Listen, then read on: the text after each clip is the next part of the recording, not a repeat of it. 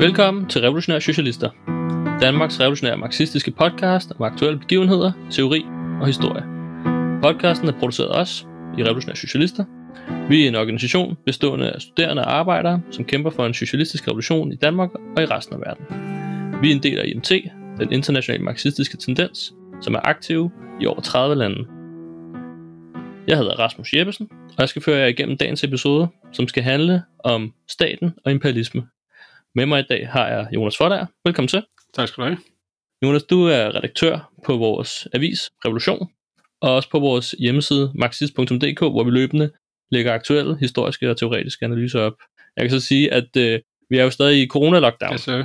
så det, det er svært at, øh, at producere en, en fysisk avis, og det er endnu sværere at, at gå rundt og sælge den øh, på gader og stræder, når man ligesom ikke rigtig må snakke med andre mennesker og være i, i kontakt med dem. Derfor er Revolution øh, blevet digital, så vi producerer nu en digital avis, som hedder Digital Revolution, som vi prøver at, at have oppe øhm, en gang om ugen, en gang hver anden uge. Øh, du kan finde den på Facebook, og den kommer også snart op på marxist.dk. Men hvis vi går til, hvad der sker i dag, så er det jo en ret vanvittig situation, som, som udspiller sig for øjnene af os rundt omkring i verden, må man sige. Og det virker som om, at mange sandheder er blevet usande, og alting ligesom er vendt på hovedet på en eller anden måde. Vi har den her situation, hvor de forskellige stater, de, øh, de øh, kaster øh, penge ud til højre og venstre, efter vi har haft 10 år, hvor at statskassen den var bare lukket med syv sejl. Så nu så kan der både være penge, der kan være penge til virksomhederne, der kan være penge til de små erhvervsdrivende, der kan være penge til, til arbejderne. Der er, det virker som om, at der er nærmest bare sådan et, et bundløst hul i statskassen. Ja, eller omvendt, fuldstændig at der er- paradoxalt. Eller omvendt, at der er uendelig mange penge i statskassen, hvis man kan sige det sådan. Ja, lige præcis. Der er, det er nærmest som om, det, at der var, hvad hedder det, skudt sådan et pengetræ op, øh, ud af ingenting lige pludselig. Og det er jo, en, det er jo en, en, en meget speciel situation at være i, når vi har været, haft så mange år, hvor vi har fået at vide, at vi skulle effektivisere, at vi skulle skære ned, og vi skulle, være, øh, vi skulle spare på pengene. Øh, og det virker som om, at, at vi, ser, vi er i gang med sådan en fuldstændig paradigmeskifte, hvor vi har haft øh, en stat i mange år, Mm. som, øh, hvor, som er blevet kaldt øh, neoliberal af mange på venstrefløjen, hvor det ligesom handlede om, at staten skulle holde sig væk fra markedet, skulle holde nallerne væk for alt i samfundet, og, og bare, hvis eneste rolle egentlig bare at skrumpe mere og mere, og sælge ud af sine aktiver øh, til det private. Øh, og den her situation, kan man sige, skaber jo naturligvis øh, en del forvirring på venstrefløjen. Hvad, hvad fanden er det, der sker? Nu er der lige pludselig penge til alting. Og det kan vi jo også se, at de her kan man sige, forskellige personer på venstrefløjen er lidt svært ved at agere i den her situation, situation. Og mange, de, øh, de, de tror også, at det er muligheden for ligesom at drage nytte af det her, af den nuværende situation. Øh, vi har sådan nogen som Pelle Dragsted, Mhm. mm-hmm. som er tidligere folketingsmedlem for Enhedslisten, som også bliver øh, identificeret som Enhedslistens øh, chefideolog, som ligesom har været bagmanden bag den politiske kurs, øh, partiet har, har haft de seneste år. Og han siger jo også, at nu, nu begynder tingene ligesom at gå i den retning, som man har ønsket sig, at nu begynder staten at have en karakter, og den skal vi ligesom bruge den her situation. Mm. Øhm, fordi det er, det er der, det kan man sige, der, det, det går i, i den rigtige retning. Og jeg synes, det kunne være interessant at diskutere med dig, hvad, hvad det er for en situation, vi står i, hvad vi kan lære af, af tidligere øh, historiske episoder som den her. Jeg tænker, vi snakker lidt mere om, om mellemkrigsperioden øh, her øh, senere. Øh, og jeg synes også, vi skal vende tilbage til, til nogle af de ting, som, som Pelle Dragsted rent faktisk har skrevet, fordi han har produceret ret, ret meget øh, her de sidste par uger. Øh, Så jeg vil gerne vende tilbage til, til i hvert fald en uh, Pelle Dragsted artikel her om lidt. Men først og fremmest, altså, det virker som om, at ver- verden er ved at falde, altså kollapse om ørerne på os. Hvad, hvad fanden er det, der sker? Hvad fanden er der foregår? Kan du ikke uh, lige give et kort svar på det? Ja, hvad fanden er der foregår? Uh, der foregår det, at uh, vi står i den uh, formentlig den største krise i, uh, i kapitalismens historie. Og det er selvfølgelig i det lys, vi skal se alle de her mange hjælpepakker og gratis penge, der bliver, der bliver smidt til højre og venstre. At øh, den, øh, den krise, der er udløst af, af, af den her coronavirus og lockdown i forskellige lande, er, er virkelig massiv. Altså i USA, der i sidste uge var der 3,28 millioner øh, nye, eller øh, hvad det, nye ansøgninger om arbejdsløshedsunderstøttelse på en uge. Altså det- det er, det er virkelig voldsomt. Den her øh, amerikanske investeringsbank Morgan Stanley, de vurderer, at den amerikanske økonomi kommer til at, at dykke med 30 procent på sådan en årsbasis imellem øh, april og juni, og at arbejdsløsheden kommer op på ja, over 12 procent, det højeste niveau øh, siden 2. verdenskrig. Øh, og, og det er bare i, i USA, og det er det samme, vi ser øh, over resten af verden, øh, også med udsigterne ja. i Danmark. Så det er virkelig, vi snakker om en, en, en krise, der er, der er så dyb, sådan så at selv med flere sådan borgerlige økonomer og kommentatorer siger, at hvis ikke vi gør noget virkelig radikalt nu, så er det selve kapitalismen, som, som er på spil, og som kunne, øh, som kunne gå under øh, i den her situation. Ja, jeg synes, det er, det er interessant også, hvor ærligt mange af de her, kan man sige, um, de personer, som normalt forsvarer systemet og markedet og, og det hele, er fuldt ud, og de bliver lige pludselig ret ærlige i det her øjeblik. Der var ham der, den tyske økonomiminister, som har været ude at sige, at, at den her krise, den tester, øh, citat, øh, markedsøkonomiens funktionalitet, mm-hmm. citat slut. Som jeg siger, synes siger noget om dybden af de problemer, som de står i. Ja, det må man sige. Og det har jo så også haft nogle, nogle, øh, nogle vanlige, vanvittige konsekvenser i forhold til det her paradigmeskift, som, som øh, du snakkede om, og, og hvordan stater og centralbanker osv., de, de agerer. For, og, og det er virkelig markant, synes jeg, hvor øh, det, og det er jo nærmest uden sådan nogen debat, eller det bliver ligesom taget som en selvfølge, selvfølgelighed, ja. at vi er gået fra et årti med voldsomme nedskæringer. Det, der er ikke rigtig godt dansk ord for det, men austerity på, på engelsk, ikke? Et helt årti, mm. hvor det bare har handlet om at skære ned, skære ned, skære ned. Og lige pludselig så vender det 180 grader, og så fosser der bare penge ud fra statskassen og ud i økonomien til alle kroge. Og, og det er for, set fra centralbankchefer og alle de her finanskapitalister, som udtaler sig, så er det bare, jo større, jo bedre. Der skal bare, der skal bare pumpes ud. Øh, så lige nu lader det til, at der, der er ingen grænser for, hvad, hvad der kan bruges øh, penge på, og hvor meget det skal være. Og det er jo også meldingen fra den danske regering. Der har man snakket om, at man vil have de her 60-cifrede milliardbeløb som garanti for, at, økonomien skal overleve, og man er parat til at, gå endnu længere, øh, hvis det er nødvendigt. Altså det er jo fuldstændig astronomiske beløb, der er tale om. Og det er jo aldrig sådan nogle beløb, man taler om i, i forhold til velfærd eller forbedring af, folks levevilkår. De sidste 10 år, der har det jo aldrig på noget som helst plan, der har det altid været 1 milliard eller en halv milliard, eller lige et par, par hundrede millioner ja. hister her. Ja, det virker, altså det, det er jo ikke mere end et par måneder siden, at de sad med, med finanslovsforhandlinger og sad og snakkede om 500 ja. millioner til, hvad var det, flere sygeplejersker eller sådan noget.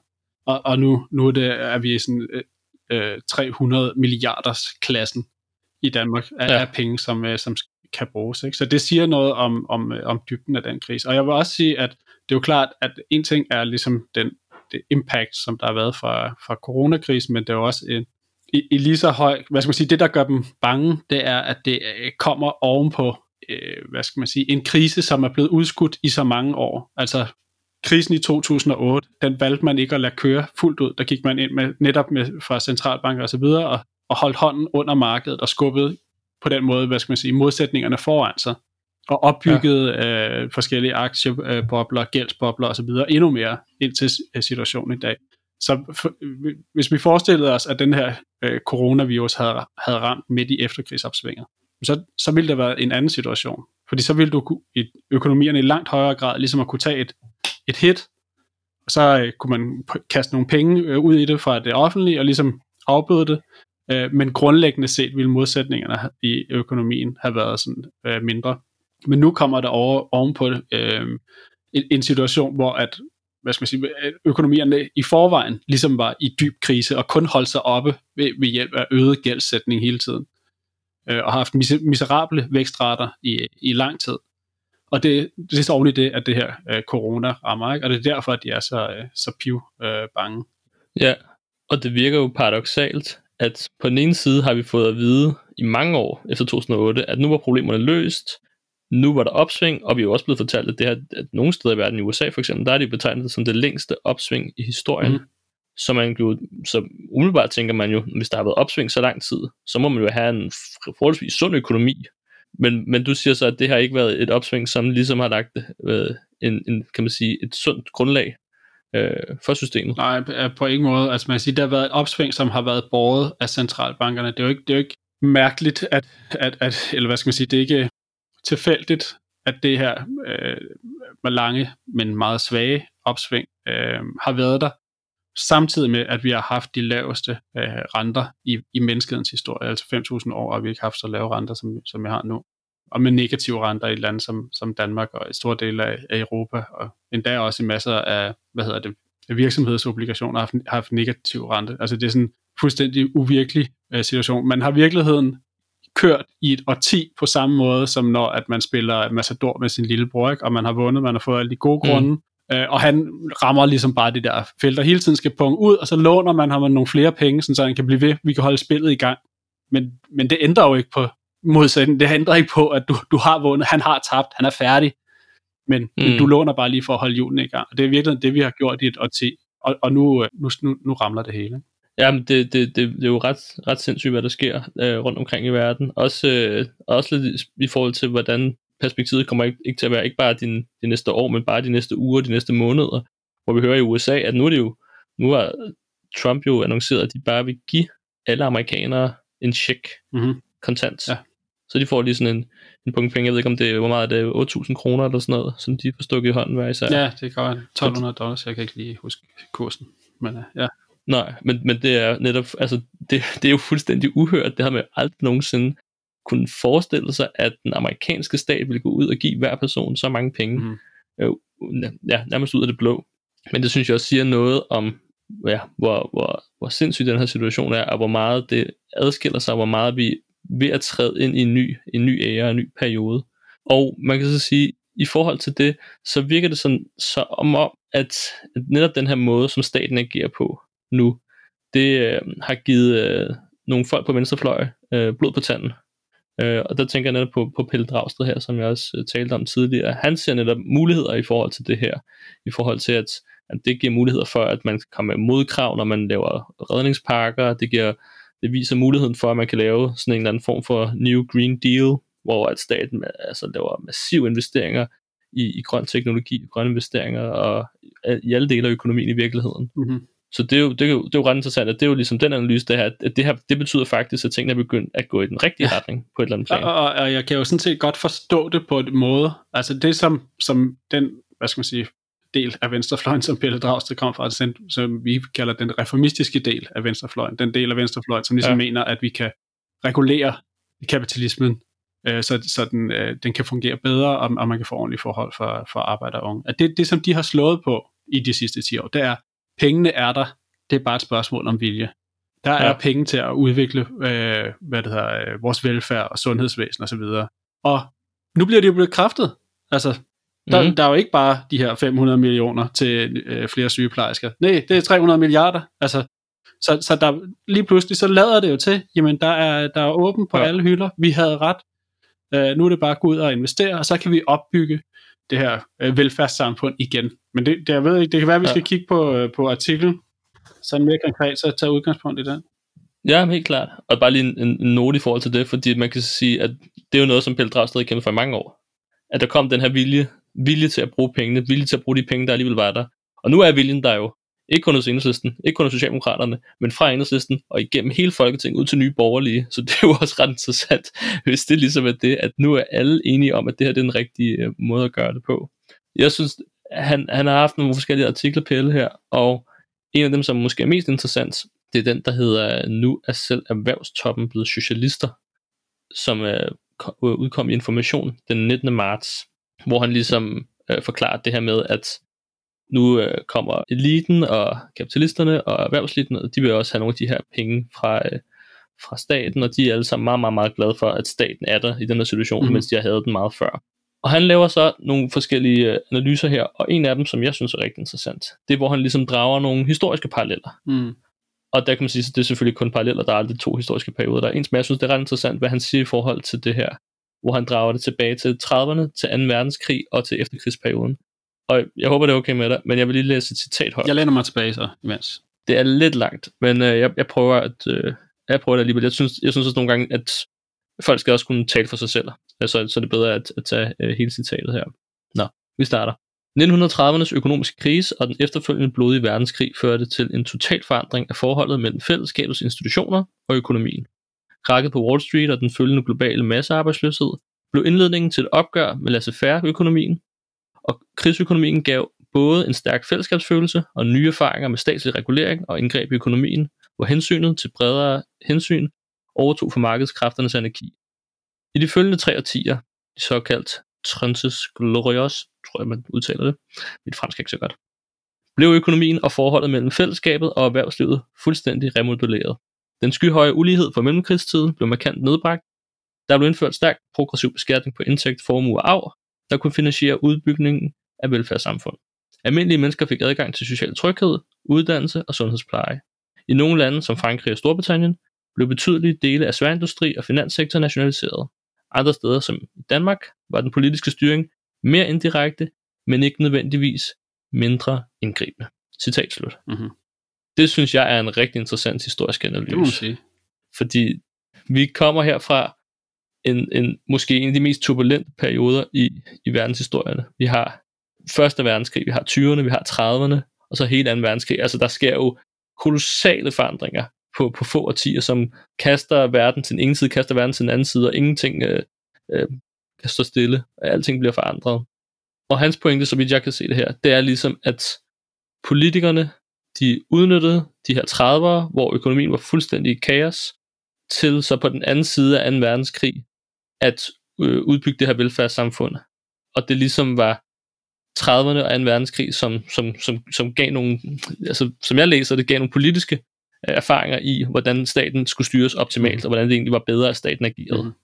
Og det synes jeg er lidt interessant også i forhold til, det var jo en fuldstændig vanvittig periode, og at det er så det, vi står i nu, at nu skal vi også have, han nævner kun 30'erne, men der var jo også lige 20'erne inden da, mm. og der var også lige første verdenskrig inden da. Så hvis vi lige skal, skal have hele den periode, før vi kan få noget, der minder om et velfærdssamfund igen, så er det jo så de her to-tre årtier med kæmpe problemer, kæmpe økonomiske problemer og kæmpe verdenskrig til følge, og så kan vi måske komme tilbage til et velfærdssamfund. Ja, altså, hvad skal man sige, på den måde er det, ja, jeg er enig i, i at drage de der paralleller til, til 30'erne, absolut. Uh, men det er fuldstændig rigtigt, som du siger, at han går ligesom fra, hvad krisen i 1929, uh, øh, så fik man nogle erfaringer med noget statsregulering, der kom i lidt krig og nogle forskellige ting, og der, det brugte man så til at lave velfærdssamfundet. Så ergo, det vi ligesom kan udlede, det er, der kommer en krise, vi kan bruge det, og så kommer vi styrket ud på den anden side. Man mangler jo ligesom lige at, at dvæle en lille smule med den periode, der var ind imellem os. At du går fra 20'erne og så til efterkrigstiden. Altså, du havde 2. verdenskrig, som var bragte mm. øh, øh, menneskeheden på randen af, af øh, civilisationens sammenbrud. 60 millioner døde. Uh, altså det var, hvis du kan tale om, om ødelæggelse, død og elendighed, så er det nok uh, det største eksempel. Ikke? Men, men det bliver ligesom hoppet hen over som en, en detalje i, i sammenhæng.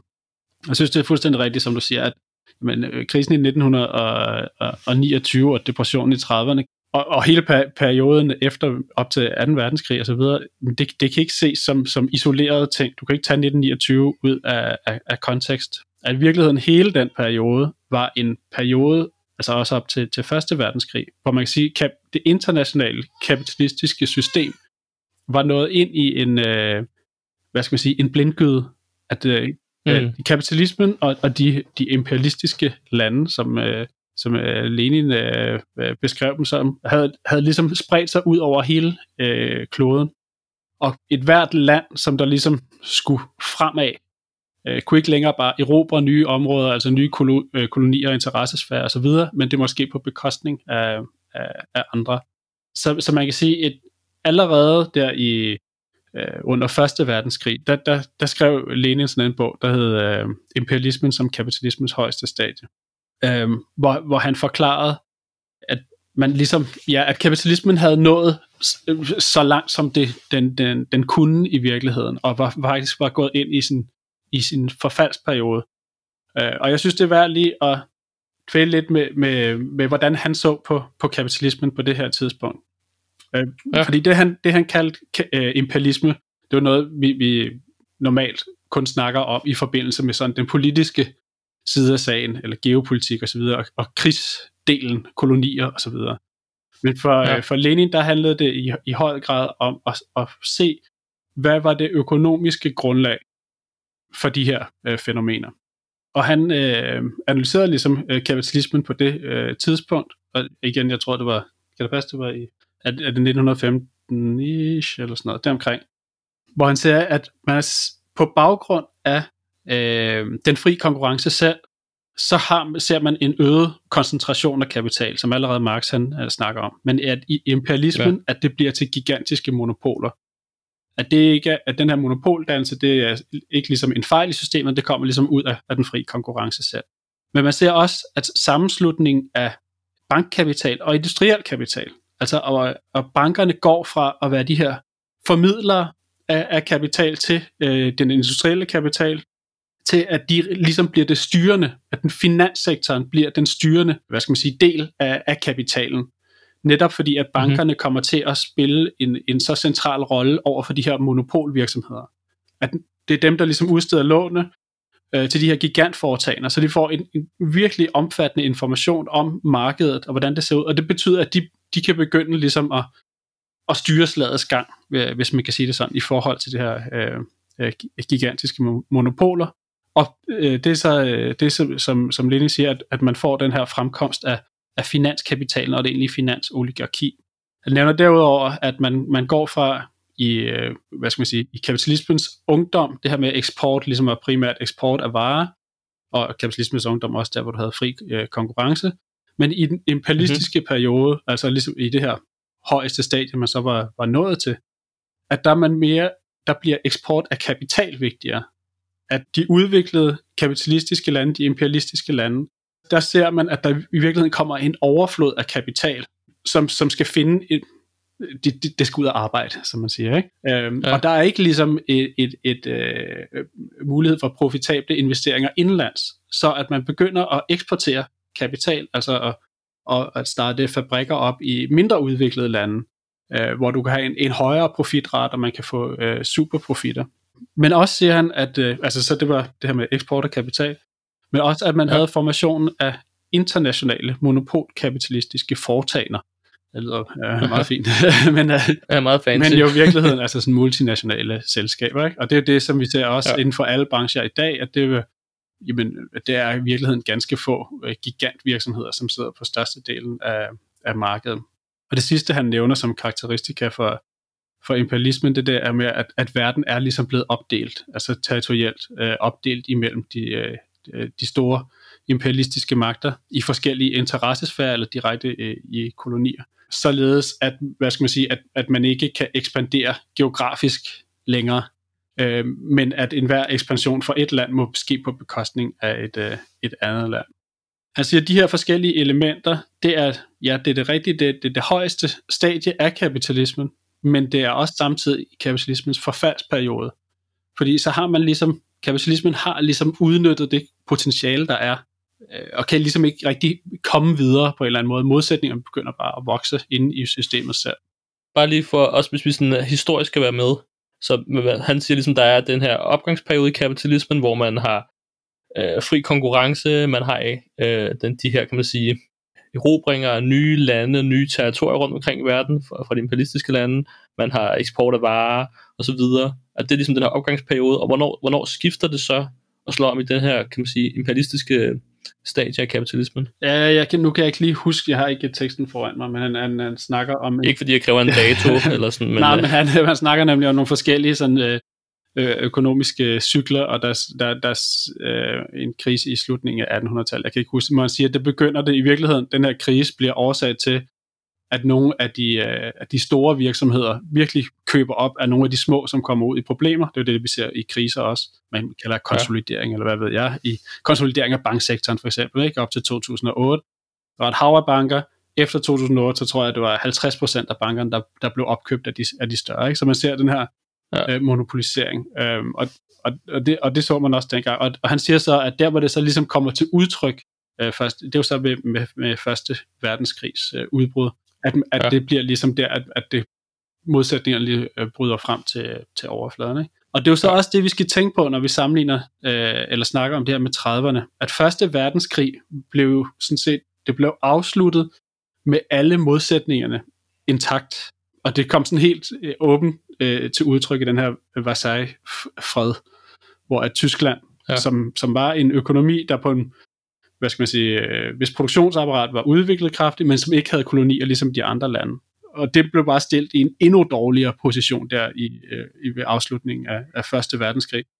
Så det her modsætningsforhold mellem produktionskapacitet og så dens plads på, på verdensmarkedet og verdensscenen, var ligesom i sådan et, et, et, et fuldstændig uholdbart, øh, ja, det var et uholdbart modsætningsforhold. Så i virkeligheden så 2. verdenskrig var sådan set bare fortsættelsen af Første verdenskrig. Så, så man, skal, man skal mm. netop se det som en hel periode øh, ja. på den måde. Så Første verdenskrig kom til på grund af de store modsætninger, der var kan man sige, mellem de forskellige kapitalistiske og imperialistiske lande, men de blev ikke løst med Første verdenskrig. Nej.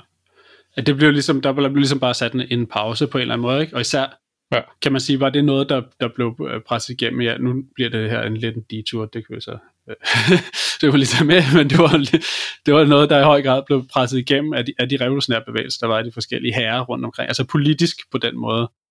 Det var ikke ja. fordi, at de økonomiske modsætninger imellem de, de kapitalistiske stormagter var løst, men fordi soldaterne gik hjem, fordi de gjorde, lavede opstand og revolutioner i Rusland og over hele Europa. Så du kan ikke, du kan ikke ja. lave en, en krig og løse de modsætninger militært med en her, der går hjem og skyder sine officerer og øh, tager ja. magten. Det er sådan ja, det lidt svært, ikke? Så vi havde den her periode med, med 20'erne, The Roaring Twenties, hvor der virkelig var gang i den. Der var det der gigantiske spekulative opsving, der så krakker der i 1929, som Pelle Dragsted, han, øh, han så øh, øh, sammenligner øh, perioden med øh, det her 30'ernes depression.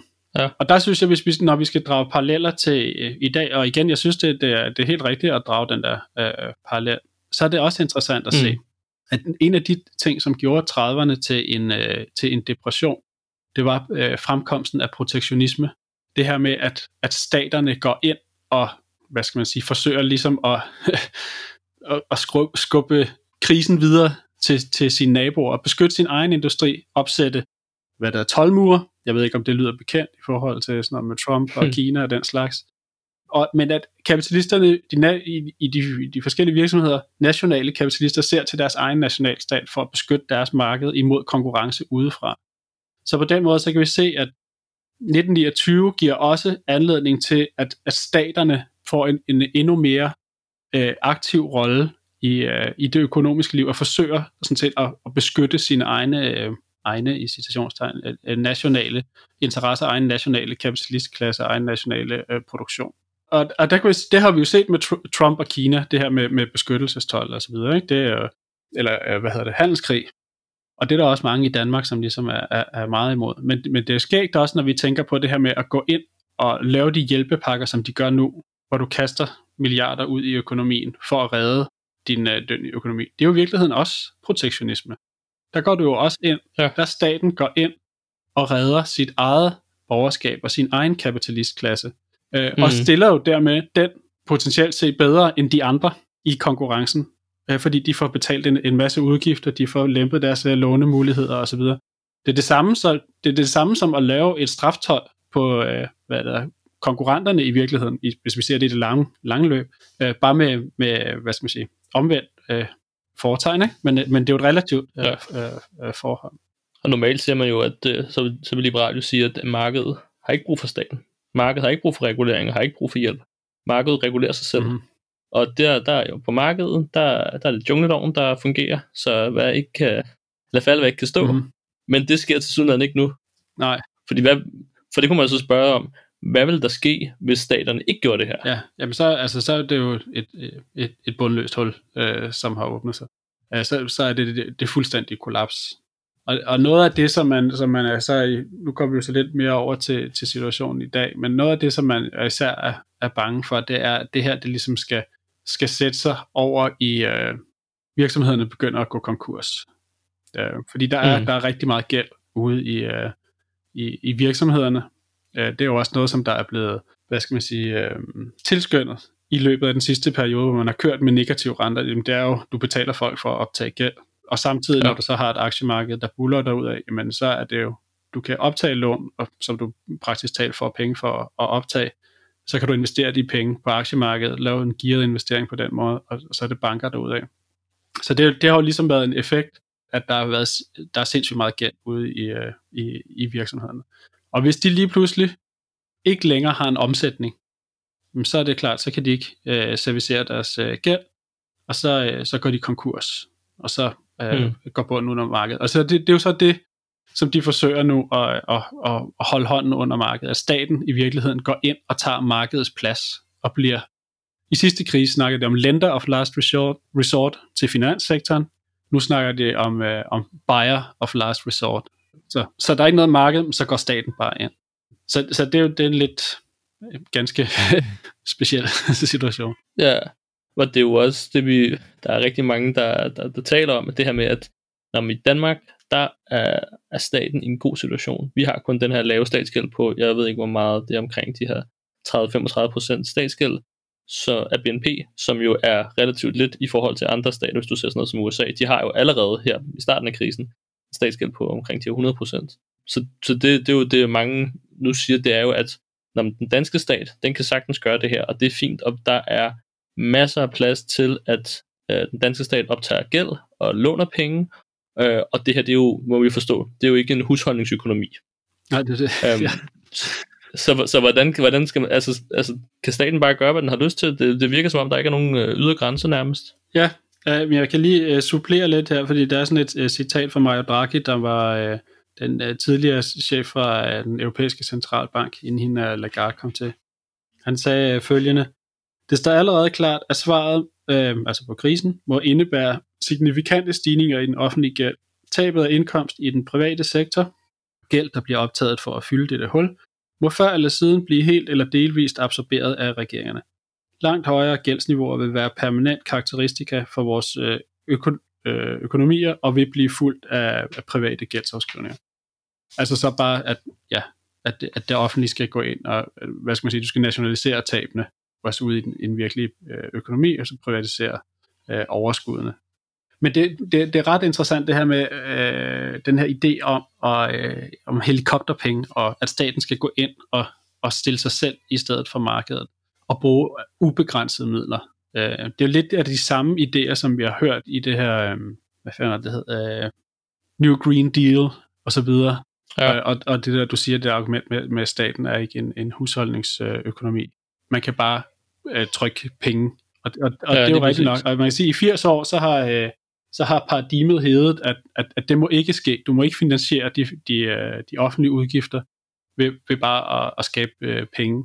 Og, og det kan man sige, det, det er der jo en grund til, at borgerskabet har afholdt sig fra i, i 80 år.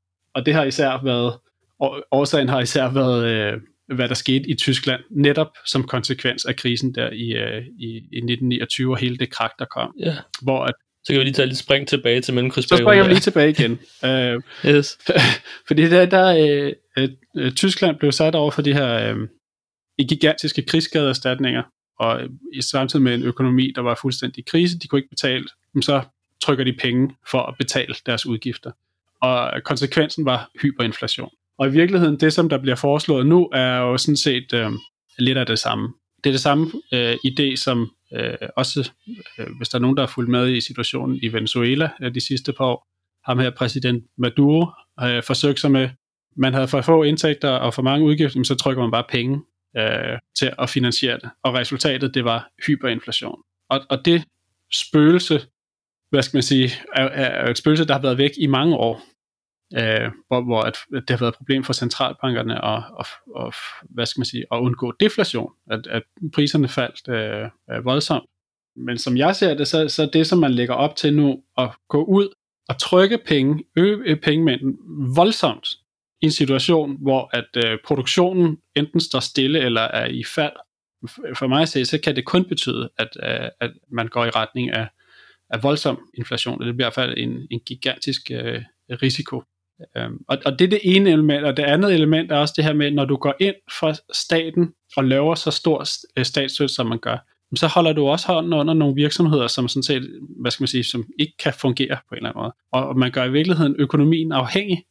I øh, 2008 så vi, hvordan at for at holde den finansielle sektor kørende, så øh, gik staterne ind og kastede penge i hovedet på, på bankerne. Det kunne de ikke komme ud af igen hver eneste gang de forsøgte at afvikle den her statsstøtte, normalisere renteniveauet og lade være at lave de her støtteopkøb, kvantitative lettelser, hvad fanden det var, så, øh, så øh, hvad det hedder, væltede markederne nedad, og de måtte, komme, de måtte komme tilbage ind i markedet. Det de har gang i nu, det er at forsøge det samme, bare ude i den virkelige økonomi. Så de skaber en situation, hvor de sådan set ikke kan komme, vil, vil jeg våge påstå, vil, vil, ikke, ikke kan komme ud af, af det her afhængighedsforhold af, af staten. Og det er også det, som der er lidt øh, sjovt med, med, med den måde, som, som Pelle Dragsted snakker om og staten og statens økonomi, at det bliver lidt set som sådan nogle, sådan nogle penge, der kommer udefra på en eller anden måde. En eller anden skattekiste, der kommer udefra, som ligesom kan spytte ind og fylde det her bump, øh, hul, der er i vejen, og så man kan, kan komme videre. Men, men det er jo ja. penge, der skal komme et sted fra. Enten så skal du selvfølgelig trykke dem, altså det, det kan du gøre, det giver sig faren for, for underskuds, øh, eller hvad det er for hyperinflation, eller bare af almindelig, øh, hvad det hedder, statsgæld, der, der, der skal betales tilbage. Og det bliver arbejderklassen, der skal betale det. Det, det er der størstedelen af indtægterne fra staten kommer. Staten kan godt optage en masse gæld, og du, som du sagde også tidligere, den danske statsgæld er ret lav. Der er jo, der er jo rum til at komme op til, på niveau med USA. Og, og øh, belåne sig til op over, over, over, hvad hedder det, skorstenen. Det, det kan man jo mm. godt, men, men det skal jo stadig betales af, de, øh, de penge. Og det skal betales ud af, af statens fremtidige udgifter, øh, eller statens fremtidige indtægter, undskyld. Og, og det, er jo, det vil jo sige, at det er jo så fremtidig øh, velfærd og så videre, som, som, som kommer til at, at skulle betale det, eller skattestigninger og så videre. Men bottom line, at det er, det er arbejderklassen, der kommer til at, at betale for det her. En massiv overførsel af penge til, til erhvervslivet øh, lige nu her, som går fra det, det store flertal, altså fra den skattebase, øh, øh, der er, og over til, til ejer, kapitalejerne. Det er i virkeligheden det, øh, vi ser nu. Og det er jo så også et andet element, som man så ikke forholder sig så meget til det her med, hvad betyder det, når, når du har det her med, med, med, med gratis penge på en eller anden måde? Altså, hvilke effekter har det? Hvis, hvis du er en god købmand, og der er nogen, der siger, hey, der er gratis penge herover, så gør du jo, hvad du kan for at få så meget som muligt. Altså, det er jo godt købmandskab. Øh, ja, ja. Så jeg tror, at vi kan forvente, at, at du ved, snablen kommer til virkelig at blive stukket ned i, uh, i kassen nu her. Fordi der er jo ikke, hvis du har en virksomhed, så vil du være idiot, hvis du ikke siger, åh, oh, jeg har også uh, problemer, uh, jeg bliver nødt til at, at, at få lidt ekstra statsstøtte osv., ikke? Uh, så, så, så, så de kom, der er nogen i toppen af det her samfund, som kommer til at tjene styrtende på, på den her krise her. Ja, jeg synes også, det er interessant i forhold til det, du sagde omkring 2008-krisen, hvor bankerne mere eller mindre har været fuldstændig afhængige af de her statspenge lige siden, og staten ikke har tur at trække pengene væk igen, fordi de så var bange for, hvad der skulle ske med bankerne og finanssektoren igen. Men nu lyder det som om, at det kommer ikke kun til at ske for bankerne den her gang, det kommer til også at ske for den virkelige økonomi, altså for produktionsvirksomheder osv. Og hvis man ser på den her periode, det har jo været nu øh, 12 år siden krisen i 2008, som bankerne har været afhængige af det. Altså, kommer vi så også til at se en periode i det næste 10, hvor at, at den virkelige økonomi, hvor, hvor, hvor virksomheder øh, er blevet fuldstændig afhængige af statspenge. Ja, det er det, fordi at det, det øh, hvordan det vil se ud om 10 bliver, bliver virkelig, virkelig spændende, øh, fordi ja. at så, så mange penge er der jo ikke. Øh, altså, så, så taler vi jo, at, at du skal virkelig trykke penge, så er det kollaps øh, i, i hyperinflation osv. Det er jo kun noget, selv de, altså de øh, borgerlige økonomer og erhvervsfolk osv., der snakker om at de skal have det her statsstøtte, de ser det jo som, at vi skal have det i tre måneder, eller vi skal have det i ganske kort tid. Så de har ligesom den her idé om, at økonomien er i sådan en ligevægtssituation. Det er blevet bragt ud af ligevægt af øh, den her coronavirus øh, det her shutdown. Ligesom bare et, et, et bump på vejen. Skal vi igennem det, og så ud på en, øh, normalen på den anden side. Ikke? Øh, men hvor som vi ser det, at det er, en, øh, det er kulminationen på en, en opbyggelse øh, hvad skal man sige, en krise, der var under opsejling i forvejen, hvor at, øh, at, at coronakrisen så bare kommer og pløjer ind igennem det hele og fjerner de sidste sådan støtte, støtteben, der holdt, øh, holdt verdensøkonomien op. Øh, så det bliver ikke bare sådan en, bum, vi tager lige tre måneder, og så kommer vi tilbage igen. Og så derfor så er det, det er fuldstændig umuligt at forestille sig, at staten ligesom skulle overtage markedets plads i, i en længere periode, fordi så mange penge er der ikke i, øh, findes der ikke i, i verden, så er det det her pengetræ, man skal have gang i. Ikke? Ja. Nu, øh, øh, hvad hedder det, nu kunne man jo prøve at tage de her lidt mere optimistiske Pelle Dragsted briller på igen. Fordi at han kunne måske gå ind og så sige, at det her uh, Lenin skrev i Imperialismen som kapitalismens højeste stadium. Som jeg lige vil sige, at det er en bog, vi har udgivet på vores forlag, forlaget Max. Så hvis man er mere interesseret, kan man jo gå ind på forlaget max.dk og erhverve sig øh, den glimrende bog. Men der kunne Pelle Dragsted jo så sige, jo jo, der var, øh, der var gang i den i 20'erne, der var 30'erne, som, og det her med, at kapitalismen var inde i en nedgangsperiode, det, det kan man så sige, det, det skete jo ikke på den anden side, på den anden side af en verdenskrig, fordi der fik du den her store økonomiske fremgang, du fik udbygning af velfærdsstaterne, og der gik det sgu meget godt alligevel. Så hvordan kan det hænge sammen med, at alene på den ene side siger, imperialismen er kapitalismens højeste stadie, det er en nedgangsperiode, en forfaldsperiode for systemet, og så ser du så den her opblomstring mm-hmm. på den anden side af 2. verdenskrig. Hvordan kan det ske, og hvordan kan det være, at hvorfor skulle, vi, hvorfor skulle det ikke kunne lade sig gøre mm. igen øh, med nuværende krise? Jamen altså, det, øh, øh, det, det kan det sådan set godt. Jeg tror ikke, jeg vil gå ind i sådan en længere forklaring på præcis, hvorfor det, altså de historiske omstændigheder, hvorfor, hvorfor det, det, det udviklede sig, som det gjorde. Men, men det er jo rigtigt nok, at kapitalismen kom sig, men man kan sige, hvad var omkostningerne? At det var seriøst, at vi, vi var ved at tale om øh, civilisationens øh, sammenbrud. 60 millioner døde hvis man forestiller sig en økonomisk og, og fuldstændig altså smadring af produktionsapparatet i hele Europa, øh, altså det, hvor stort det er øh, i resten af verden, ikke? Som jo på den måde lagde grunden for et nyt opsving, fordi du ligesom skulle starte forfra, og det er jo det, som, som, som Marx øh, forklarer det her med, med, med kriser i kapitalismen, at det er overproduktionskriser, som så udtrykker sig i overkapacitet. Jamen, at hvis du udsletter det hele i en verdenskrig, jamen så er det klart, så er der jo øh, lige pludselig skabt mulighed for profitable investeringer på bagsiden, fordi hele lortet skal bygges op igen. Så ja, ja, hvis vi laver ekvivalenten til 2. verdenskrig igen, om det så er med, med, med våben, bombeting eller med en krise, der har de samme økonomiske konsekvenser, så er det rigtigt nok på den anden side. Så kan du godt få et efterkrigsopsving. Men, øh, men det var så, ja, sidste gang, der stod vi lige på kanten til, at civilisationen gik under. Ikke? Øh, mm. så, og, og 60 millioner mennesker, arbejdere, der blev, øh, blev slået ihjel. Og det, det er måske lige ikke så fedt perspektiv at arbejde med for at få sit næste øh, øh hvad det hedder, opsving i kapitalismen. Der synes vi jo, at det ville give lidt mere mening at måske se på, om man skulle øh, du ved, sige, okay, det her system, det har ligesom øh, udspillet sin rolle, skal vi finde på noget andet, øh, i stedet for at, at tage den anden model. Ikke?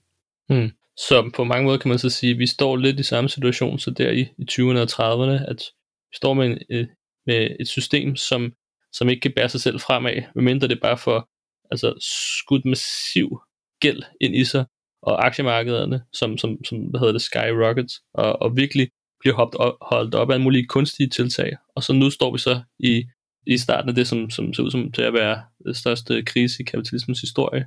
Og det, det minder jo på meget måde om den her depression, som der også var her i 30'erne. Og vi har jo allerede de sidste 10 år, de sidste 12 år i virkeligheden, haft det her, kan man sige, nedskæringsregime, hvor der virkelig har været smalhalser, og ned, der har været nedskæring på velfærden hvert år, der har været angreb på løn- og arbejdsforhold, der har været hele den her, kan man sige, udryddelse af de her, kan man sige, tjenestemandsstillinges jobagtige, og i stedet for har man fået de her prekære 0 timers kontrakter ind og så videre. Også i Danmark, som selvfølgelig har været meget værre mange andre steder. Så hvis det har været situationen i de sidste 10, hvad kommer situationen til at være det næste 10? Ja, for mig at se, så, så går vi ind, ja, vi går ind i en situation, som ja, man kan sige er, er et brud med, hvad, hvad vi har kendt fra, fra tidligere, og på den anden side er det ikke. Fordi det er jo i virkeligheden lidt en tilbagevenden til en gammel kapitalisme på en eller anden måde. Altså den her velfærdsstat øh, kommer til at være, være færdig øh, for, mig, for mig at se. Og, og øh, jeg, jeg synes også, når man ser på de forskellige øh, elementer, at der er så mange paralleller at drage til, til kapitalismen der i starten af det, af det 20. århundrede, at det netop var, hvad skal man sige, det, der var ikke ligesom flere muligheder for at, at udvikle sig rigtigt. Den øh, var ligesom sunket i kviksand. Man så de her nationale spændinger osv. Alle de forskellige ting kan vi se i, øh, i, igen i dag. Så, så ja, det, det næste årti, jeg tror, det bliver virkelig, det bliver virkelig et chok for, øh, for rigtig mange af os, som, som, som trods alt har været vant til et vist civiliseret øh, hvad skal man sige, liv, øh, man, man har kunne leve. Ikke? Når du taler om en krise på et niveau fra 30'erne, så snakker vi jo også samtidig, hvad skal man sige, det der, der følger med, det er jo også øh, klassekamp på samme niveau som i 30'erne. Fordi det kan vi se allerede nu, at dem, der bliver bedt om at betale, det er arbejderklassen. Du erhvervslivet går ned, arbejderklassen betaler. Bankerne går ned, arbejderklassen betaler.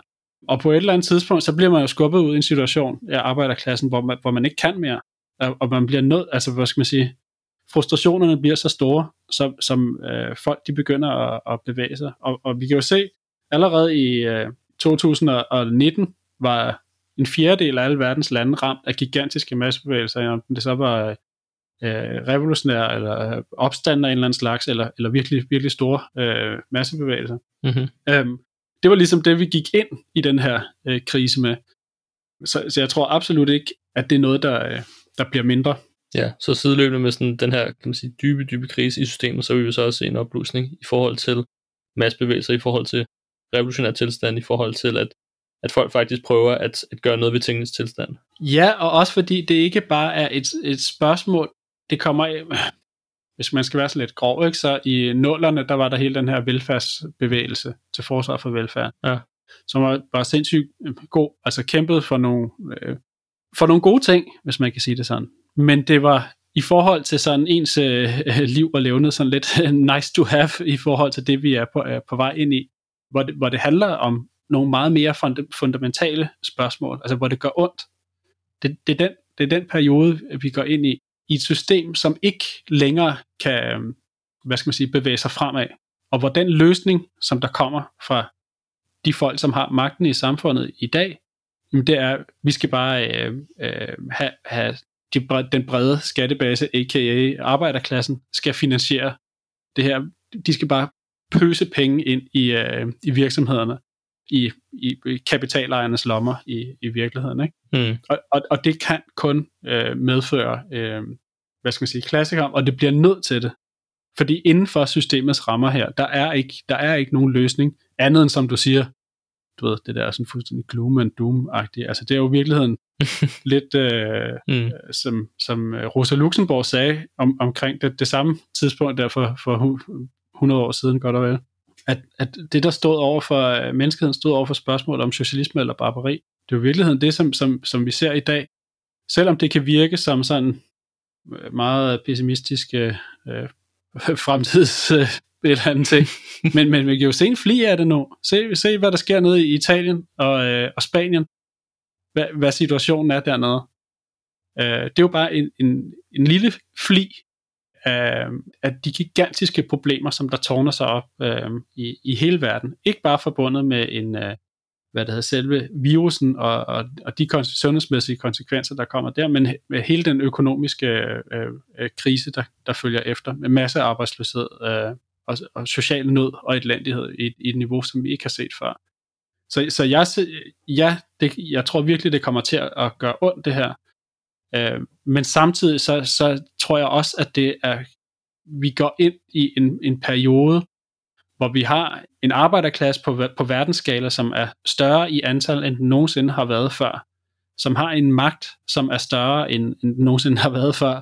Som, som har alle muligheder for at ændre øh, den her situation og, og, og omvælte det her system, som nu viser sig meget konkret irrationelt.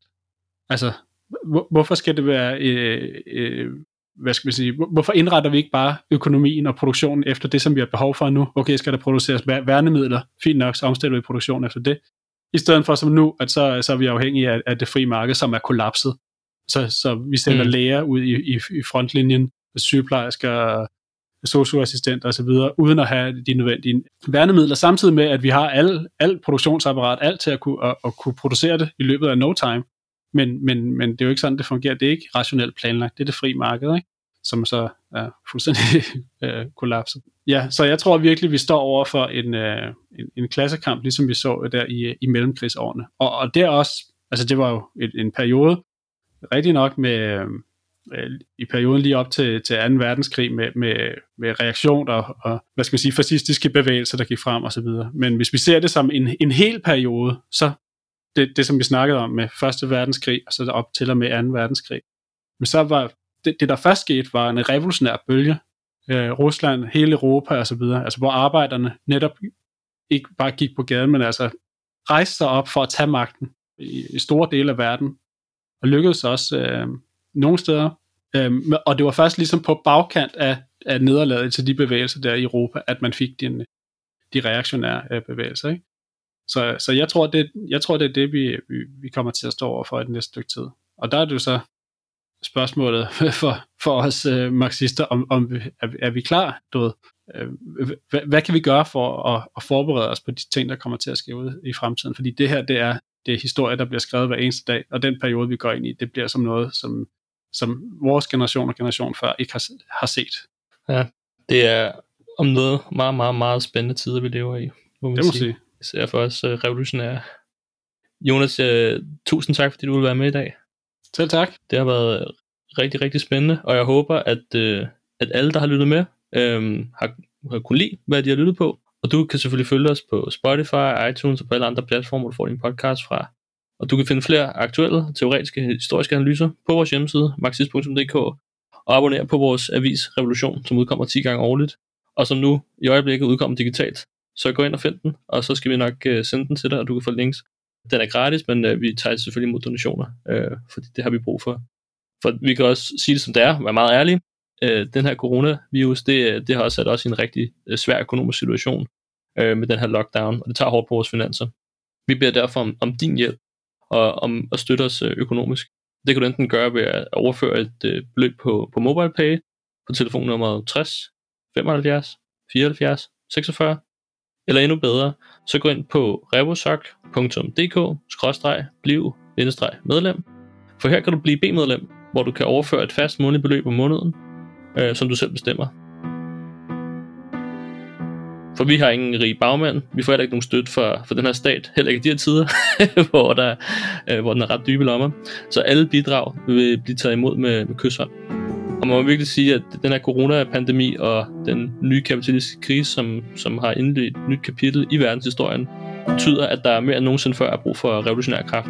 Hvis du har lyst til at blive aktiv hos os i Revolutionære Socialister, eller bare høre mere om os, så gå ind på vores øh, hjemmeside, revsok.dk, tag kontakt til os, eller duk op til en af vores møder, som du kan finde på Facebook, og som i for øjeblikket øh, foregår online.